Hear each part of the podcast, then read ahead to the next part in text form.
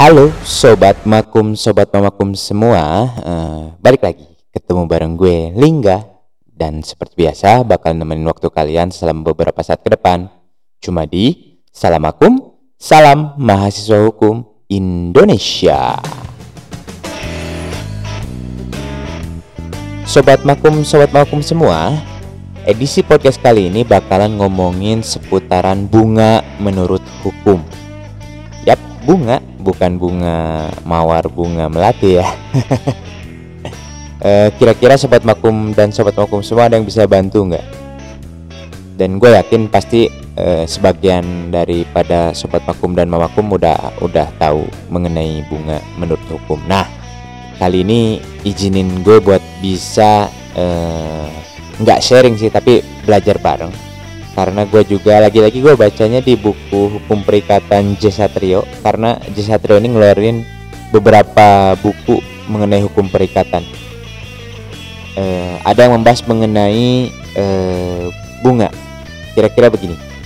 Uh, jenis bunga itu ada tiga sobat makum dan sobat makum semua. Yang pertama adalah moratoir yang kedua adalah konvensional dan yang ketiga adalah kompensatoir. Jadi kita cari tahu ya. Oke. Okay. Uh, sebelum membahas lebih lanjut mengenai masalah ini, kita perlu satukan bahasa kita lebih dahulu tentang beberapa istilah teknis hukum yang berkaitan dengan masalah ini. Kita mengenal ada tiga macam bunga, yaitu bunga moratoir, bunga konvensional, dan bunga kompensatoir. Bunga moratoir merupakan bunga yang terhutang karena debitor terlambat memenuhi kewajiban membayar sejumlah uang Bunga konvensional adalah bunga yang disepakati para pihak dan bunga kompensatoir adalah semua bunga di luar bunga yang diperjanjikan. Jadi, bunga moratoir sebenarnya merupakan bagian dari bunga kompensatoir. Biar lebih jelas kita breakdown ya. A. Bunga moratoir kompensatoir jadi, bunga moratoir merupakan ganti rugi dalam wujud sejumlah uang sebagai akibat dari tidak atau terlambat dipenuhinya perikatan yang berisi kewajiban pembayaran sejumlah uang oleh debitor. Pasal 1250 memberikan pengaturan khusus mengenai hal tersebut dengan mengatakan dalam tiap perikatan yang semata-mata berhubungan dengan pembayaran sejumlah uang, penggantian biaya, rugi dan bunga sekedar disebabkan karena terlambatnya pelaksanaan hanya terdiri dari bunga yang ditentukan oleh undang-undang dengan tidak mengurangi peraturan-peraturan undang-undang khusus. Nah, adapun mengenai bunga konvensional, bunga konvensional adalah bunga yang diperjanjikan oleh para pihak dalam suatu perjanjian dan karenanya tidak ada sangkut pautnya dengan masalah ganti rugi Bunga ini diberikan bukan sebagai ganti rugi, tetapi karena disepakati oleh para pihak dan karenanya mengikat para pihak berdasarkan pasal 1338. Bunga ini termasuk dalam isi perikatan dan karena pada asasnya KUH Perdata menganut asas kebebasan berkontrak, maka pada asasnya para pihak sepanjang tidak bertentangan dengan undang-undang, kesusilaan, dan ketertiban umum juga bebas untuk menentukan berapa besarnya bunga atas pinjaman uang antara mereka. Lalu bunga kompensatoir bukan moratoir. Bunga kompensatoir adalah semua bunga yang bukan konvensional dan bukan bunga moratoir. Walaupun bunga moratoir sebenarnya merupakan salah satu spesies dari bunga kompensatoir.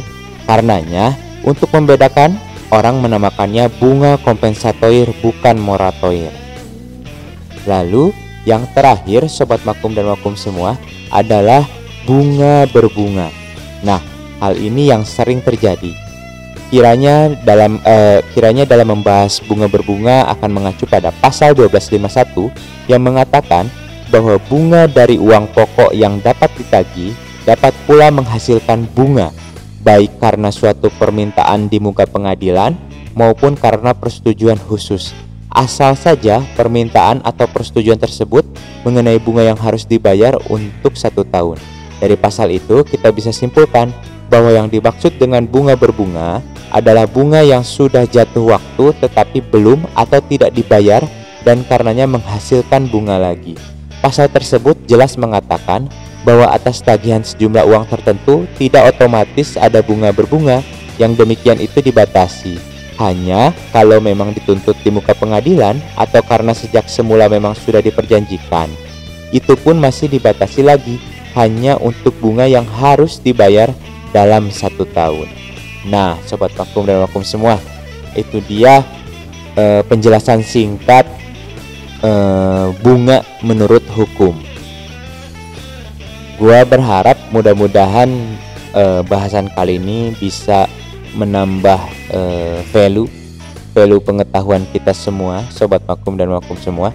Karenanya mari kita belajar bersama-sama ya. Dan akhir kata gua harus pamit.